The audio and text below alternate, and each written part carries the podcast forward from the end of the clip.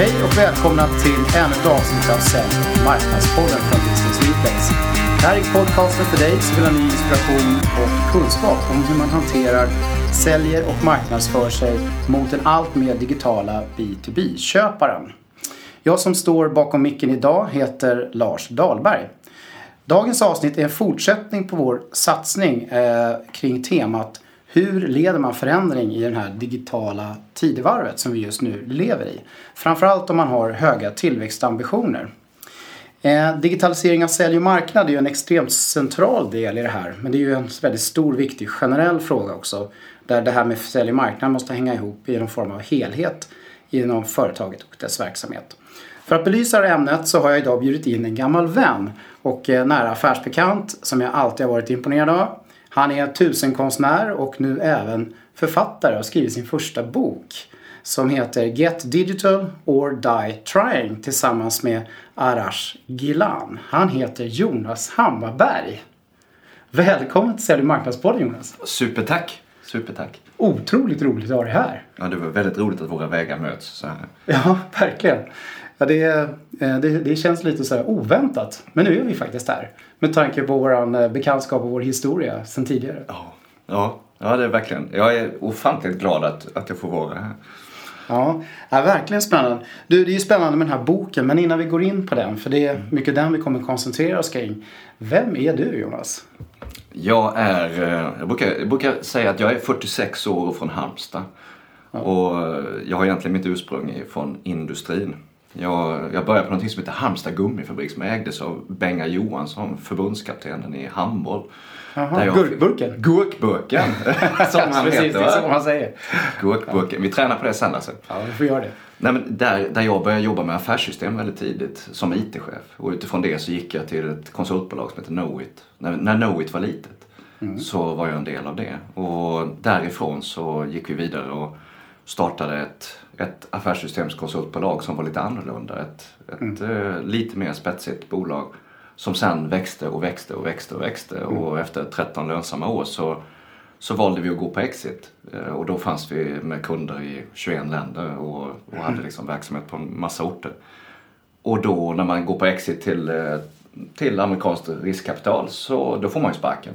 Och det, och, och det är ju väldigt skönt. Ja, vad roligt. Det var ju då jag fick nöjet att lära känna ja. dig under den här tiden när du jobbar med affärssystem. Och eh, affärssystem har jag ju alltid varit väldigt fascinerad av. Det är en så extremt central del i att lyckas med den här digitaliseringen. Framförallt både från ett inre och ett yttre perspektiv. Mm. Så du har verkligen varit liksom i hetluften i hela den utvecklingen kring affärssystem och digitalisering som svenska företag har varit igenom. Ja, men det, det, det där är ju det är en häftig resa för det, om man tittar på affärssystemets roll så är den jättespännande. Och det som inte jag hade med mig riktigt då, det, det har jag fått med mig sen. Eh, och det är just det här, de mjuka faktorerna som, som på något sätt kapslar in affärssystemet och andra, andra verktyg som vi jobbar med. Det som vi pratar om, kultur, ledarskap och organisation. Så att det, det jag och min kompanjon Henrik gjorde när vi hade lämnat det mm. bolaget så, så gick vi samman med en kille vi kände som heter Christer Olsson som är författare författare mm. på riktigt. Han har ju sålt 77 000 böcker. Ser man inte det om man har gjort en bok? ja, ja, men man måste väl sälja 77 000 böcker. Då blir man författare blir på man riktigt. Ja. Eh, men, men Christer hade ett managementkonsultbolag som hette mm. Utvecklingspoolen som var top notch. Så att vi förvärvade det, växlade equity och blev lika partners i det som heter Awesome Group. Med mm. en ambition. Att vi skulle digitalisera den gamla managementkonsultbranschen. Mm. Precis, och det är det du pysslar med idag. Ja. Och det är lite grann därför den här boken har kommit till också, eller hur? Ja, det, ja, det är det. Alltså, till vardags så coachar jag chefer på, på toppnivå i börsbolag, i, i globala koncerner och i ägarledda bolag. Och, och på ändra sätt så konstaterar jag att människor är väldigt svåra att skala och jag själv är extremt svår att skala. Mm. Och, och, på något sätt sprunget ur det att det finns en väldig massa mm. eh, problem som behöver bli lösta. Så så ville vi skriva av oss. Och vi, vi tyckte ärligt talat att det, alltså digitaliseringen är den enkom största frågan för, för de jag möter, de ledare mm. eh, på alla nivåer som jag möter. Och det är så få som vet vad det egentligen innebär. Och det finns så lite dokumenterat kring hur man faktiskt gör. Så att vi ville skriva en bok om hur. Mm. Alltså en bok om hur på riktigt. Mm. Det ska vi komma in lite grann på i den här podcasten. Jonas. Men innan vi gör det så tror jag att eh, det är väldigt intressant om du kunde belysa lite de här utmaningarna som du ser först. Som du eh, möter när du eh, träffar de här eh, ledarna. Eller som du pratar med dem om kanske man skulle säga. För det är inte alltid mm. alla ser de här grejerna eh, naturligtvis. Nej, nej det är, eh, alltså om vi, om vi, om vi tittar på ur ett, ur ett organisatoriskt perspektiv så, så har ju vi vi alla, vi är ju i den åldern du och jag Lasse och, mm. och säkert några av lyssnarna också. Eh, där, där vi har varit igenom ett antal revolutioner som har gått ganska fort. Det började med den, för, för mig så började det med den digitala revolutionen tillbaka på Halmstad gummifabrik 1996-97 när, när mejlen mm. började komma och internetsidan. Jag hade en webbsida, hgf.se, som hade, som hade 47 träffar på en månad och jag fattade vad skulle jag med det där till? Och det blev lite Ines Usman på det liksom. Åh, vad konstigt. Men, men den digitala revolutionen gjorde ju att, att, så att säga, den gamla tabloidtidningen blev ja. helt plötsligt digital och så började det gå lite fortare. Och det här var ju 96-97. Flyttar vi fram ja. 10 år till 2007, den 7 januari, när Apple släppte sin första iPhone, mm. så kom vi in i den mobila revolutionen. Och den mobila revolutionen gick sen vidare apsnabbt till den sociala revolutionen 8, 9, 10 när Facebook och Twitter och LinkedIn och, och det här. Och, och då helt plötsligt så har det som Garton brukar kalla time to response. Tiden från det att någonting händer till det att du måste ha plockat upp ärendet, analyserat, åtgärdat, stängt och kommunicerat om åtgärden. Den föll från 2000 så var det sju dagar, 2005 mm. var det två dagar och nu är det timmar minuter. Mm. Dessutom så har vi då de senaste tre åren, vilket antagligen du och jag också är en del av, gått igenom den, eh, vad vi kallar den spelifierade revolutionen. De senaste tre mm. åren så har spelen det är intressant. Ja, den, är liksom, den har flyttat in i den mobila mm. kontexten. Mm. Och, och, och, jag sitter med en mobiltelefon som är både spelapparat, kommunikationsapparat, mm. internet och surfapparat och överhuvudtaget mitt sociala nätverkapparat. Och med den spelifieringen så, så är det inte längre någon, det är inte en könsfråga för det är 48% kvinnor, 52% eh, män. Som spelar? Som spelar. Den största populationen är 36 plus. du ser. Ja men du ser. Och när, när då liksom Activision Blizzard köper, köper liksom King med Candy Crush för 50 mm. miljarder så gör de ju det för att komma åt en komplementerande, ett, eh, ett komplement till sin mm. population. Inte finniga tonåringar som dricker Jolt Cola. Utan kvinnor som gillar att spela grejer som bubblar ja. med, vad heter det, sådana här De här bolagen du nämner här, det är, det är svenska spelbolag. Ja. Just det. ja, det är fantastiskt. Sverige, svenska och Sverige finska. Är fantastiskt. Ja, Sverige är fantastiskt och Finland har också varit fantastiskt där på det. Ja. Nej, men så att de här, de här revolutionerna, vi ska ha med oss det då. Att mm. De här revolutionerna, den digitala, mobila, sociala och sen spelifierade revolutionen har gjort någonting med, med mm. oss människor som gör att ledare på alla nivåer mm. möts av ett antal utmaningar. Vi brukar prata om fem utmaningar som vi står ja. inför idag. Ja. Men du, en av de här utmaningarna, är inte det att, eh, att den här yngre generationen framför allt, och, men även de som börjar bli lite äldre nu, eh, ser liksom världen och livet på ett rätt annorlunda sätt? Är det så? Ja, jo, och det är det ju. Och det, vi kan ja. gå tillbaka till oss själva och, och se att Alltså ordet social har, mm. har ju fått en annan betydelse. Eh, mm. och på ändliga sätt så, så har alltså hjärnan med sin plasticitet mm. har ju adopterat nya beteenden på väldigt, väldigt kort tid. Man säger att det, genetiskt sett, alltså ditt DNA har förändrats på 500 000 år så att det, det, tar lite tid. Men hjärnan har redan adopterat de nya mönstren. Mm. Och det här det, det, blir väldigt tydligt för oss liksom att, att människor har blivit allt mer beroende av instant feedback och bekräftelse. Mm. Det här att, eh, alltså like-fenomenet, eh, om vi nu ska mm. liksom sätta en metafor på det. Där där vi vill ha mer av mm. det. Och vi kommer fram till att idag så tittar en, en människa 200 plus gånger på sin mobiltelefon för att se att jag har fått ett mail mm. eller att jag inte har fått ett mail. Mm. Ja, och hela den här, den här speltrenden, gamification-trenden du pratar om. Jag menar, den är ju i grunden konstruerad utifrån hur man stimulerar en hjärna, ja. eller hur? Ja, ja, och får man, upplever man det väldigt mycket då, då ställs ju otroliga krav på allting annat sen. Att det kanske också ska vara på det sättet och ja. fungera på det sättet. Ja, det, ja men det, det, vi ska ju ha med oss att, att, att vi som människor föddes med ett antal signalsubstanser som, som stimulerar vår, våra centra i hjärnan. Och där dopaminet kanske då är den som är, som är mest vanebildande. Dopaminet mm. som vi fick för att jaga, för att hela tiden vara målsökande och jaga mat. Mm. Och, och, dopaminet i sig är ju det som kickar när jag, mm. när jag äventyrar eller när jag röker, krökar eller Eller när jag lyfter min mobiltelefon och Mm. ser att jag har fått en feed eller en like. va? Typ 300 gånger per dag. Ja, typ 300. Jag ligger på 450. Okej. Eh, Ja, jag är nog nära det. Nej, men, och det, det här dopaminet i sig är den ena. Den andra som vi ska ha med oss som är viktig, viktig, viktig ur ett ledarperspektiv att förstå, det är serotoninet. S- Om dopaminet är det som gör mig målsökande och som gör mig beroende av att sträcka ut handen på morgonkvisten, titta på min telefon. Att titta på min telefon en sista gång innan jag går och lägger mig. Så är serotoninet det som vi brukar kalla rykteskemikalien som, som vi fick för att bilda struktur, organisation, eh, för att samhället ska fungera. Och, och serotoninet är det som kickar i varumärkesassociation när en gubbe framförallt går förbi fast tracket på SAS.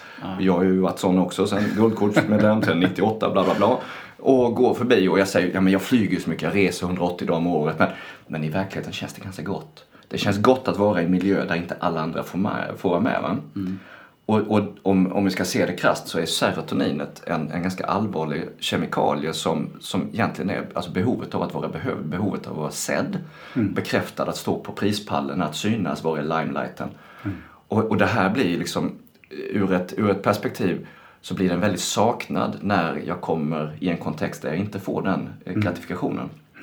Eh, och vi brukar ju prata om brist på serotonin lider i många fall till depression.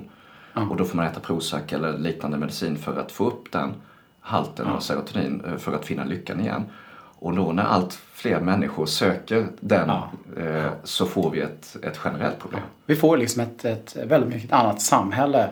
Ett digitaliserat samhälle, om man ska sammanfatta det så, som, som vi måste kunna ta hand om som ledare. Ja, ja, vi kommer fram till det. För det, det, finns ju det finns en tredje kemikalie som jag brukar lyfta fram som, som då blir så att säga antidot, vad säger man, alltså Fan, motmedlet. vad roligt det här. Det här blir värsta så här, utbildningen i eh, hjärnfysik. Ja, ja. Och, eh, men det är bra Jonas, det är hit vi måste, det är den här förståelsen vi behöver Ja, jag tror att vi behöver börja i ändan över att vi är människor Ja. eh, och att det är människor som, som ska göra någonting. Och, och liksom motmedlet mot stress, eh, Mm. mot alltså adrenalinkicken som, som sprutar när, när, jag, du vet, när jag har för mycket att göra och sådär på jobbet och jag hinner inte riktigt med och allt sånt där. Det brukar vara en hand på min axel som säger Mm. Jonas, jag förstår. Just det. Du vet. Och det här är ju det som, eh, den kemikalien som vi fick som kallas oxytocin. Det det som Okej.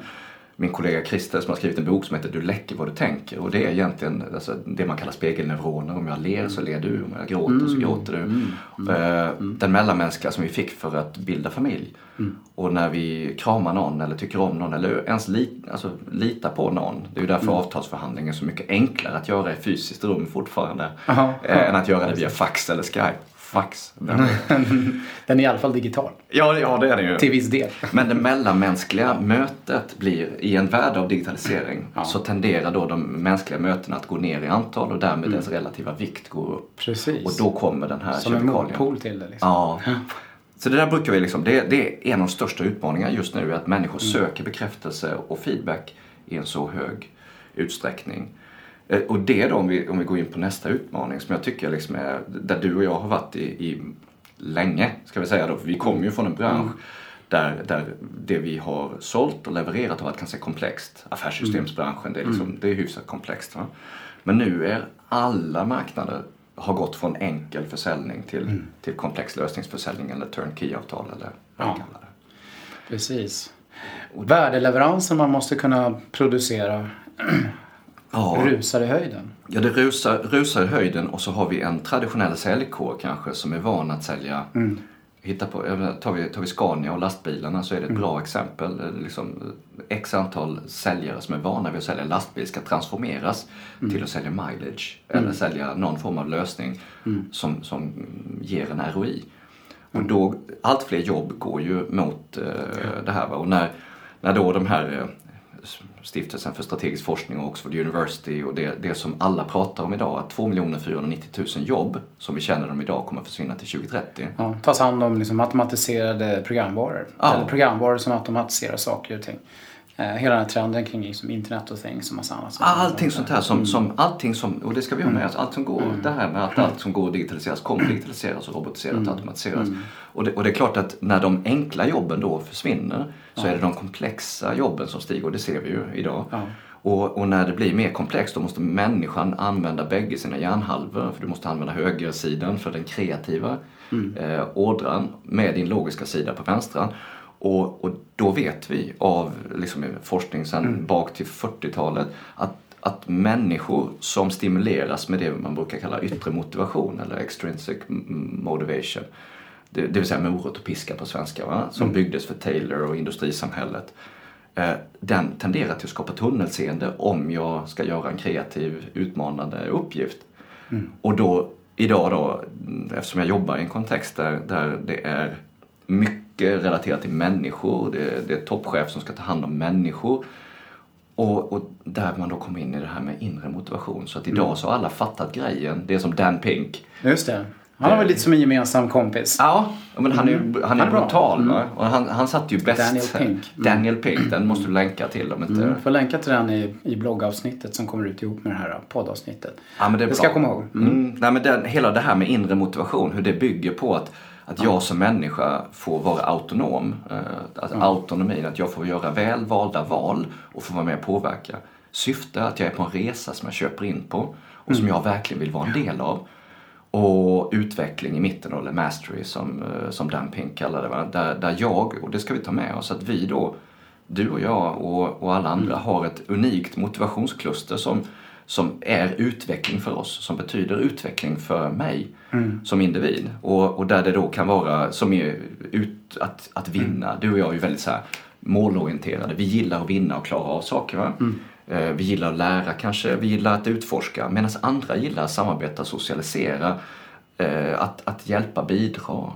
Och de här sex olika inre motivatorerna brukar vi lyfta fram som kanske det du måste förstå först. Det vill säga förstå individen och, och det där har många förstått idag då. Mm. För att man ska kunna driva det som ett snabbt eh, förändringstempo. Liksom. Ja, ja, för att människor gör ju inte som, som du säger utan du, du, på en del sätt så måste du få dem att vilja det du vill att de ska vilja och, och gå in i det man brukar kalla ett emotionellt engagemang.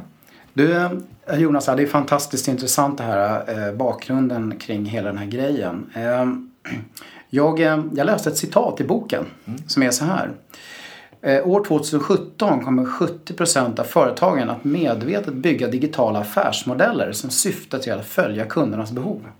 Mm, mm. Alltså, generellt så, så vi ska se det här ur två perspektiv. Eh, tror jag. För att det, det ena perspektivet är att eh, det här med digitala affärsmodeller och digitalt data. Jag tror vi ska komma in och gräva lite grann och borra i det eh, lite djupare. Men, men vi, ska, vi ska ha med oss då att med, i en värld som är allt mer kom, komplex. Där, där vi behöver eh, hitta lösningar på, på problem i ut, högre utsträckning. Där människor behöver instant feedback i en högre grad. Och, och där vi då också ser att människor i, i den globala kontexten, liksom i Sverige, blir mindre och mindre engagerade på arbetsplatsen.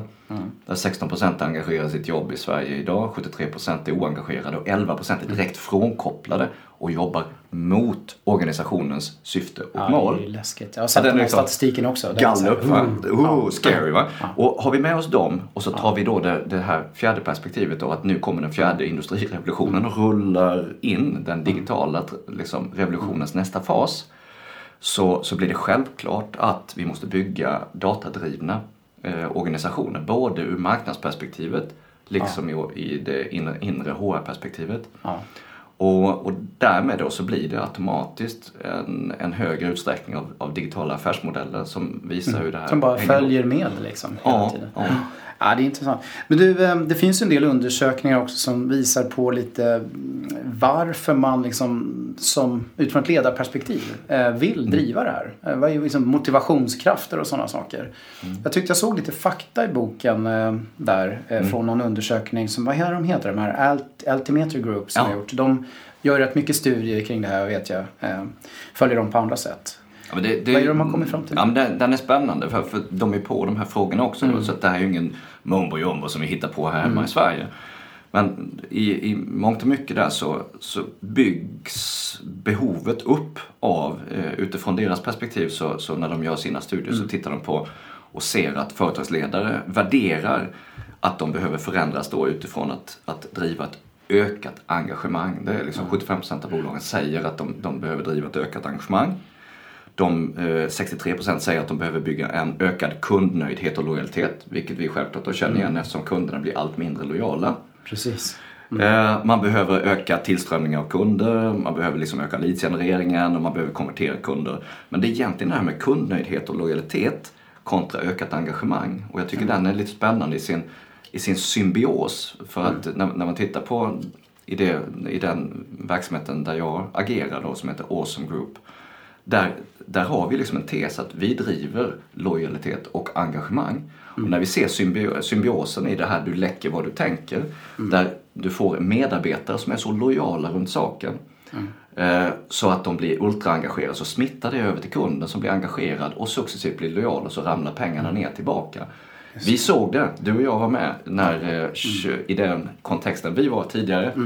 Där eh, när lågkonjunkturen smällde i september-oktober 2008. Och sen så kom det eh, finans och, och, och kriser och allt möjligt. Och i de här så gick vi som bäst. Därför att vi samlade människorna inne i rummet, eh, i organisationen. Gick mot våra befintliga kunder och gjorde dem lojala och nöjda. Net promoter score gick i taket. Va? Vi hade ju 70 på NPS på våra nöjda eh, största kunder. Och de belönade oss genom att vara lojala. Och hela vår tillväxt på det bolaget där och då, Infocube, byggde precis Byggde på på det. det. Och, det, och då är det ju, ja men det känns ganska bra tycker jag. kommer bli mer och mer centralt med tanke på den här världen vi rör Ja, oss in i nu ja. med hög, hög takt. Ja. Men du, om vi, ska, om vi ska komma in på det här med, med, med huret då. Eh, hur lyckas man då? Var ska man börja? Om man är ledare, hur ska man tänka? Alltså ledare på alla positioner. Någonstans så, så ska vi ta med oss att det börjar med ledarskapet. Eh, och, och när vi, då, då måste var och en ändå konstatera att det börjar, det börjar med dig. Det börjar med mig själv. Ja. Det är det Ja. som är lite så här. Oh, scary! Måste jag förändra mig? Måste jag förändra? Ja. Nej, men det, för det, det, det är fortfarande så att, att eh, det här är ingenting som byggs underifrån i organisationen och bottom up. Det här börjar eh, top down eller liksom in, inifrån och ut. Vi behöver förändra oss eh, som människor för att förändra andra människor som förändrar andra människor. Och på det viset skapa en, en liksom, trogen följarskara. Då. Och när, när vi då tittar på det här med med, med huret, hur, hur det gör. Så, så, vi har ju delat in det här då i traditionellt i tre faser. Ja. Och det, allting kommer ju alltid i tre faser. Liksom de här du vet, förändringsresorna. Ja, ett, två, tre. Va? Eftersom vi människor bara kan hantera tre saker normalt sett. Nej, men den första fasen är planera och förbered, den andra är att få det att hända och det tredje är att faktiskt få det att stanna och utvecklas. Just det. Och, och vi blir ju ultrakonkreta i boken. Ju, vi vill ju verkligen göra en hurbok så att vi blir steg för steg för steg och så kan du följa den här. Men om vi börjar med att planera och förbereda så, så börjar allting med sense of urgency. Just det. Just det. Sense of urgency som är det här Precis, liksom- man går och tänker, ah, ja, ja. Det går Ja. nog ett år till. Så här, ja, ja, ja. Ja, jag, och jag, jag, jag brukar ofta tänka på det Mm. utifrån, idag skriver vi 2016 va? 2000, Mm. Precis. 2003. 13 maj. Är det det? Ja, ingen tegelstenar ramlar ner än. Ah, fredag 13? Ja, ja, visst. Ah, okej. Ja, Men vi kör på ändå som ingenting hade hänt. Typ. Ja, men vi gör det. Apropå kör på. Ingenting så- har ju hänt än. Nej, inte än. va? Nej, förutom att vi spelar in podcasting. Ja. Ja, men det, den, 2003 så, Mm. eh, så jag, jag har alltid jobbat mycket. Jag har alltid jobbat sjukt mycket och jag, jag har alltid älskat att jobba. Men 2003 så, så satt jag i en, eh, i en bil eh, och så körde jag från Göteborg. Jag vet att vi, vi växte och vi jobbade som attan och var globala. Och, sådär. och jag satt i bilen, jag min- jag minns det så väl. Jag satt i bilen utanför Sandsjöbacke på väg från Göteborg ner till Halmstad där jag bor för att byta kläder. Klockan var två på natten. Klockan var två på natten och jag skulle hem, byta kläder, åka ner till Kastrup, flyga morgonkärran över till, eh, till USA. Strax utanför Sandsjöbacka så blir allting vitt. Och så exploderar airbagen. Men det, liksom, bilen var det, var det minsta bekymret. För det var, det var jag som egentligen smällde.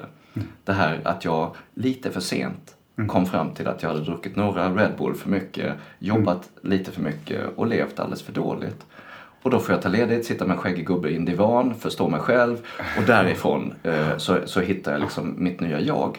Men det kunde gått riktigt illa. Och det här med sense of urgency i bolag är precis samma sak. Jag ska ta en liknande anekdot som jag tror också vi alla kommer ihåg. 2013 september när Nokias ledning proklamerade försäljningen av mobildivisionen till Microsoft. Så säger Nokias VD strax innan han föll i tårar. We didn't do anything wrong but somehow we lost. We didn't do anything wrong but somehow we lost. Och någonstans är det precis det som händer. Det handlar inte om att inte göra fel. Många är väldigt rädda för att, in, liksom för att göra fel. Men det handlar inte om det. Det handlar om att göra mer rätt. Och göra rätt saker med rätt människor i rätt tid. Och att, och att våga pröva och att faktiskt förändra snabbare än omvärlden. För det var det Nokia inte lyckades med. Mm, precis. Marknadsandelar på 50 procent. Liksom så här, Vi brukar skoja om det ibland. Att det sitter i en stor publik med 200 pers i en föreläsning och så säger vi hur många här inne har haft en Nokia-telefon? Alla bara reser upp handen. Ja. Det var ju så det var då. Det var det. Och så är det ingen som har det idag. Och, och, och den, den tror jag kommer eka i många, många, många, många år efter. För det är precis det. Sense of urgency är där vi börjar. Vi måste förstå att det är nu det händer. Och vi måste börja förhålla oss runt det. Ja, eh, det är där det startar, helt klart. Eh, Ja, du, eh, om vi ska gå vidare här lite grann då. då. eh, Hur kommer man fram till vad man ska fokusera på då? Jonas? Det finns ju så otroligt många grejer som man skulle kunna tänka sig ge sig på när man ska dra en sån här förändringsresa snabbt i den här digitala världen. Ja, alltså om, om, med, om har nått sense of urgency, för det, det är viktigt att säga att alltså idag så, så måste vi, det är inte bara ledningen som måste förstå det, styrelsen måste förstå det, ägarna måste förstå det eftersom vi då ska investera in i den här förändringen. Människorna i organisationen måste förstå det. Men givet att vi har hittat vår sense of urgency, att vi har, vi har craftat den här storyn runt det, för det här är storytelling. Eh, Kring sense of urgency. Ja, och vi tränar chefer på, på storytelling idag för att, för att få dem att Få sense of urgency. Ja. Men givet att vi har det så är nästa steg att forma den digitala visionen. Ja, det. Och, och I det här fallet så har vi konkreta medel eh, för, att, för att göra det. Och Mm. i, det här, I det här fallet så handlar det om att, att på ett eller annat sätt deklarera drömmen. Mm. Om vi sitter, och det här finns ju modeller för det beskrivet i boken, Ja, där, vi, där, vi, där, vi, där vi sätter så här, okej, givet att vi ska på, till 2020 ha gjort den här transformationen. Vad är det egentligen som du skulle vilja drömma fram? Vad är det Mm. vi ska vara här? Och där vi kikar på det ur flera perspektiv. För vem ska vi vara? Mm. Eh, Och, vi, och då kan vi titta på samhällsperspektivet, eller marknadsperspektivet, eller kundperspektivet, eller organisationsperspektivet, eller individens perspektiv. Och, och när vi kikar på det så brukar vi bryta ner det här i fyra, eh, fyra rutor eller fyra Mm. Och sen gäller det att- stressa det väldigt hårt att få människor verkligen att tänka out of the box, eller hur? Ja, det är det ju. Och jag, jag brukar ju Mm. ofta använda det här att om du får fem miljarder US-dollar av mig Ja, eh, för att disrupta, vad gör du då? Och den är, jag tycker den är högst relevant. Va? En av våra största och absolut mest framgångsrika Mm. kunder är Klarna. Eh, Klarna för 12 år sedan gick in och disruptade eh, bank Mm. och finansindustrin, tog konsumentkreditmarknaden. Men Klarna utmanas idag av, av Stripe och andra spelare som kommer från Mm. Kanada med ett API. Och en värdering på 5 miljarder US-dollar in i den här mjukvaruapparaten. Så de måste också återfödas. Vi brukar säga det, ta, ta död på dig själv innan någon annan gör det och återföds i en ny kropp. Det är den kroppen vi ska hitta. när vi på dig själv gör innan den digitala. Ja, miljarder. Ja. Seppuku Arakiri. Men, men de här fyra rummen är viktiga för att förstå. För att vi, vi, utifrån att vi ska ta fram visionen så tittar vi på digitaliseringen ur ett inre perspektiv. Det är där du och jag har varit mycket, i de inre processerna och systemen. Det är att hitta liksom, vilka processer ska vi ha, vilka system, det är e-learning, alltså LMS-verktyg och feedback. Jag tror jag generellt sett att många eh, har erfarenheter från digitalisering där. Ja, jag tror att jättemånga har gjort det och framförallt efter finanskriserna och det så, så drev man ju liksom eh, kapitalrationalisering och, och lagoptimering och liksom överhuvudtaget effektivisering väldigt hårt in med, med ERP-systemen. Men fokus ligger nu på kollaborering, samarbete, att, att sätta plattformar, få intranät, alltså vilken typ av plattform för in, interaktion ska vi ha? Intranät, sociala medieplattformar, learning management system, feedback management system, eh, digitalt engagemang kan vi komma in på och prata om sen. Men de, de här i inre rummet, vart vill vi vara? Och sen går vi till det yttre rummet. Och i vilken ordning här man tar de här, det spelar ingen roll, va? utan det är utifrån din verksamhet. Men, men yttre rummet handlar om kundrelation och interaktion. Det är ju där vi pratar om den ägda medien, köpta medien, förtjänta medien. Det är där vi tittar på apparna för att interagera med kund och, och så vidare. va?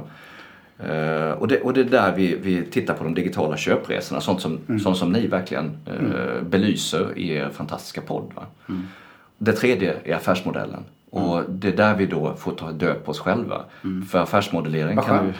ja, men den, är så, den, är så, är så brutal. Men alla, och det ska vi ha med oss, alla kan inte göra en Klarna och disrupta marknaden eller en Airbnb eller Uber eller något sånt där. Va?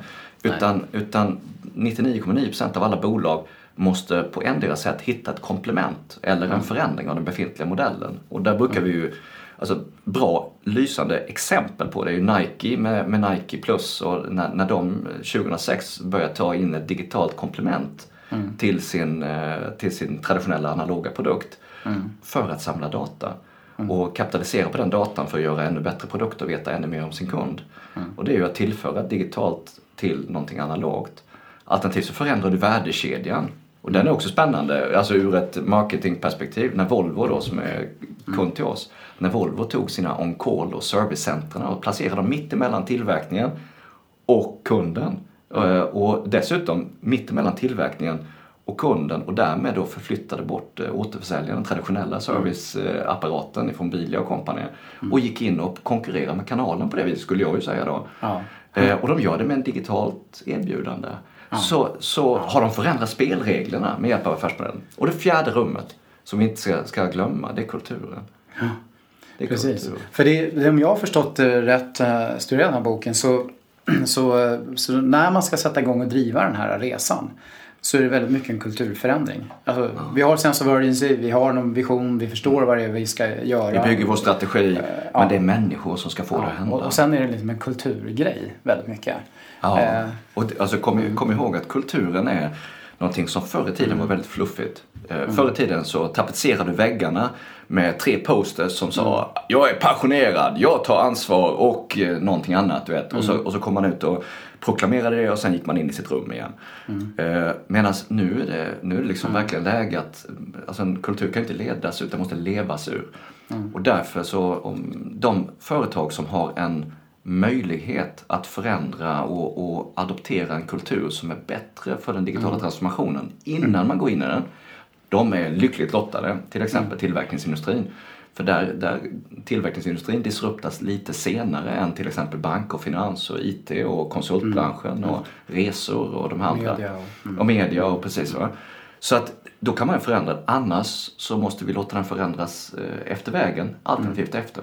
För det här är ju liksom en människor som fortfarande ska göra jobbet. Du, du var inne i ett tidigt eh, skede i den här diskussionen, det här med, med kommunicera och skapa lojalitet. Eh, Att det är en viktig aspekt. Kan, kan du säga någonting om hur, hur gör man den grejen då? Om man verkligen ska liksom, skapa lojalitet.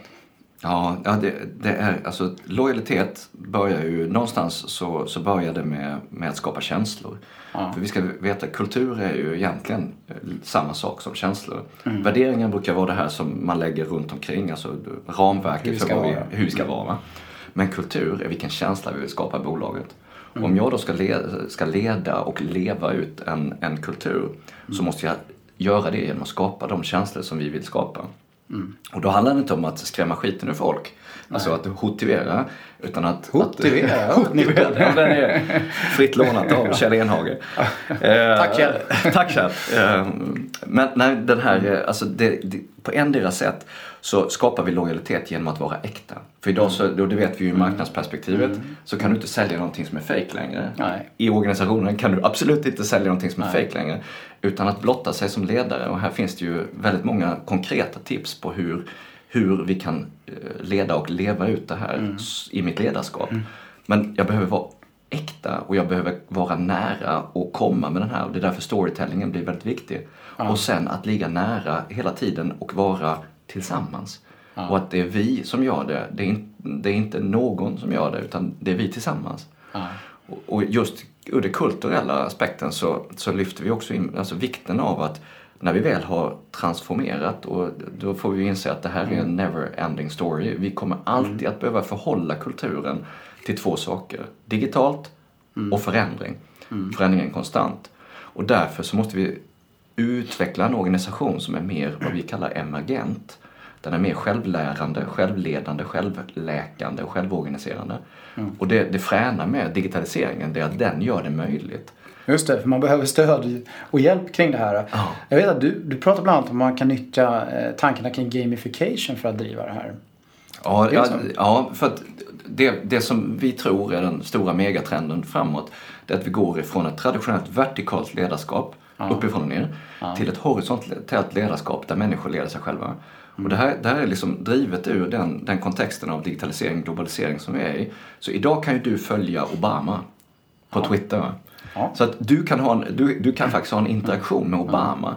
Eh, och det gör ju helt plötsligt världen ganska platt. Eh, säga.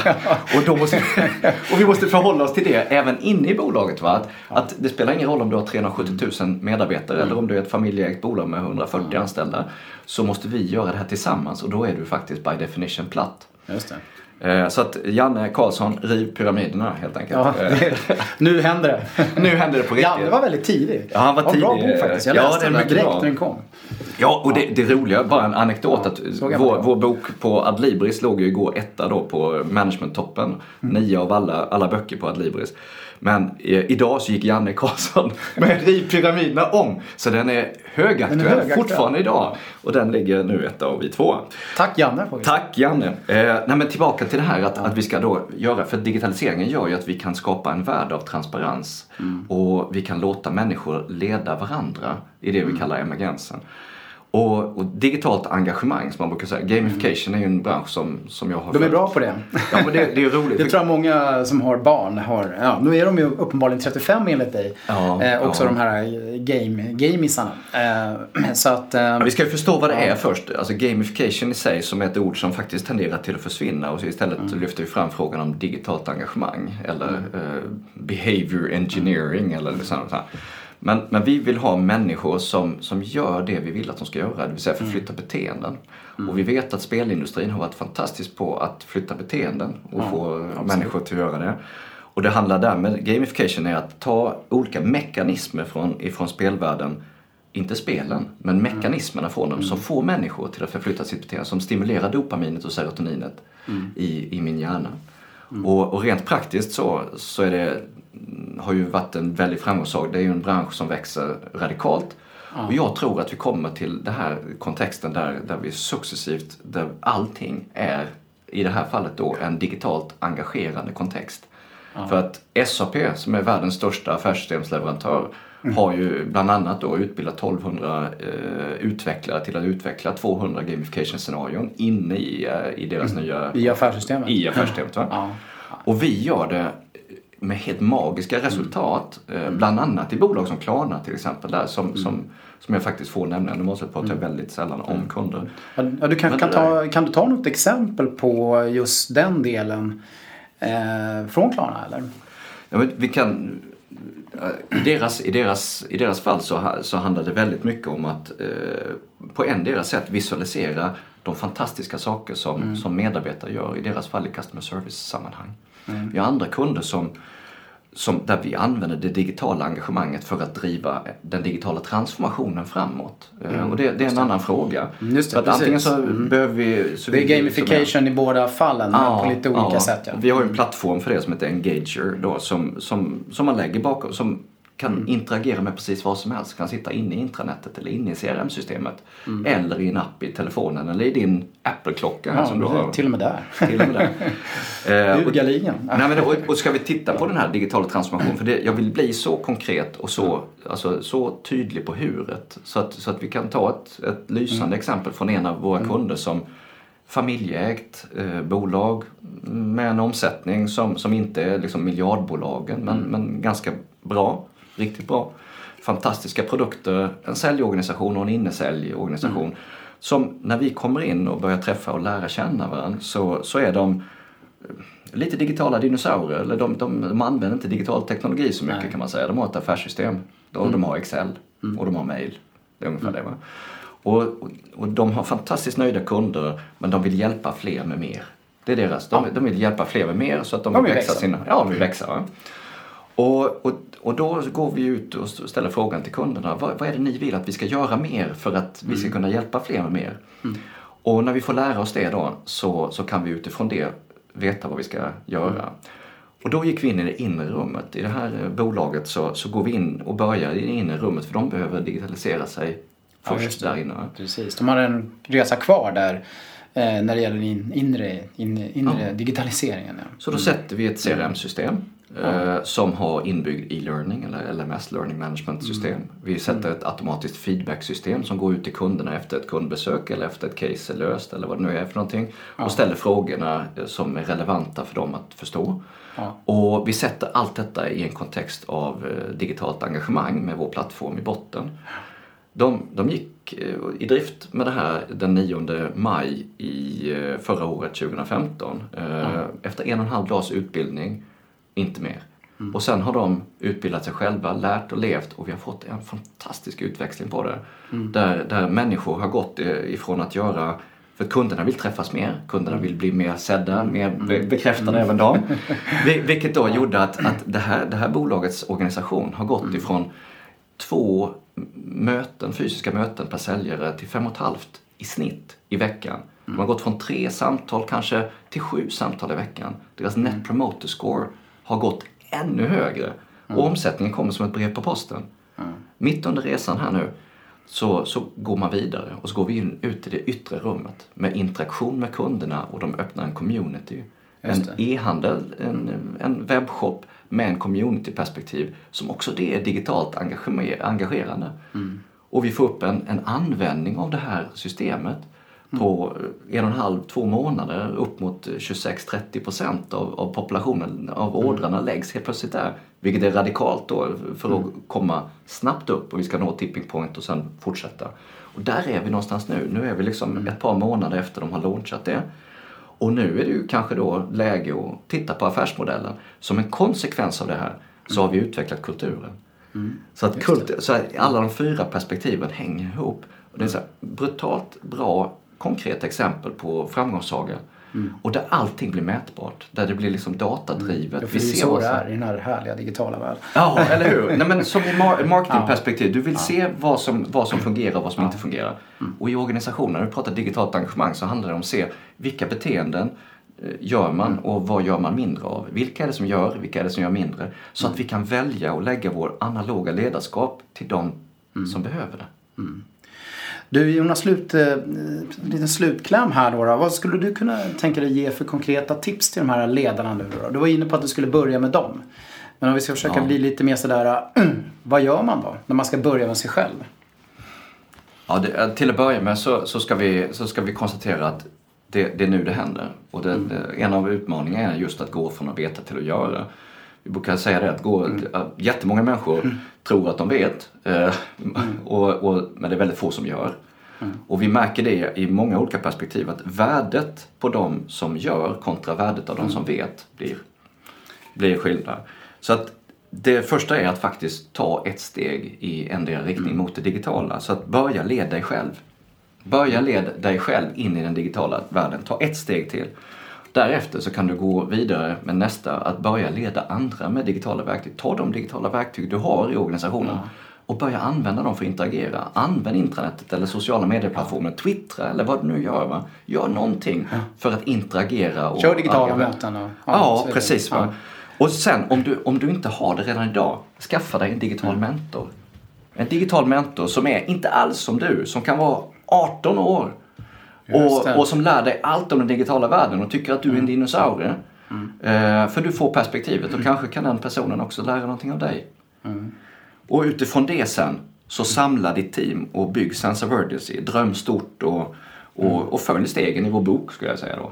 Mm. Man får läsa mer i boken. Så. Ja, men jag, jag tycker det. Ehm, och gå till handling. Gå till handling. Ja, det var väl en bra sammanfattning kan jag känna. Jag eh, skulle vilja tacka dig så mycket Jonas för att du kom hit. Eh, men eh, jag tänkte vi kunde kanske skicka med en liten möjlighet här till, till lyssnarna. Mm. Ska vi erbjuda dem tre gratisexemplar av boken till de som är först? Mm. Det? Ja, det tycker jag. Och så kan vi utmana dig till att du som är först med att komma in med vad du gör annorlunda till följd av det du har hört just nu Mm. Vad är det för någonting? Skriv en liten rad och skicka den till? Till lars.dahlberg at businessreflex.se Lars.dahlberg at businessreflex.se De tre första, vår bok. Kom gärna in med vad ni har gjort annorlunda för att eh, komma in i den digitala världen. Eh, bra, då tar vi avrundar den här podcasten. Tack så jättemycket Jonas. Ja, fantastiskt tack. Stora kramar Lasse. Ja, härligt. Vi tar en liten kram här. det är bra. Vad kul att ha dig här. Hej då! Och till alla lyssnarna som vanligt här. Nu trodde Jonas att vi skulle sluta här, men ni som lyssnar på Sälj marknadspodden, ni vet bättre faktiskt. Det är så att som vanligt, vad ni än gör där ute, eh, kära lyssnare, så var relevanta. Tack och hej. Hej!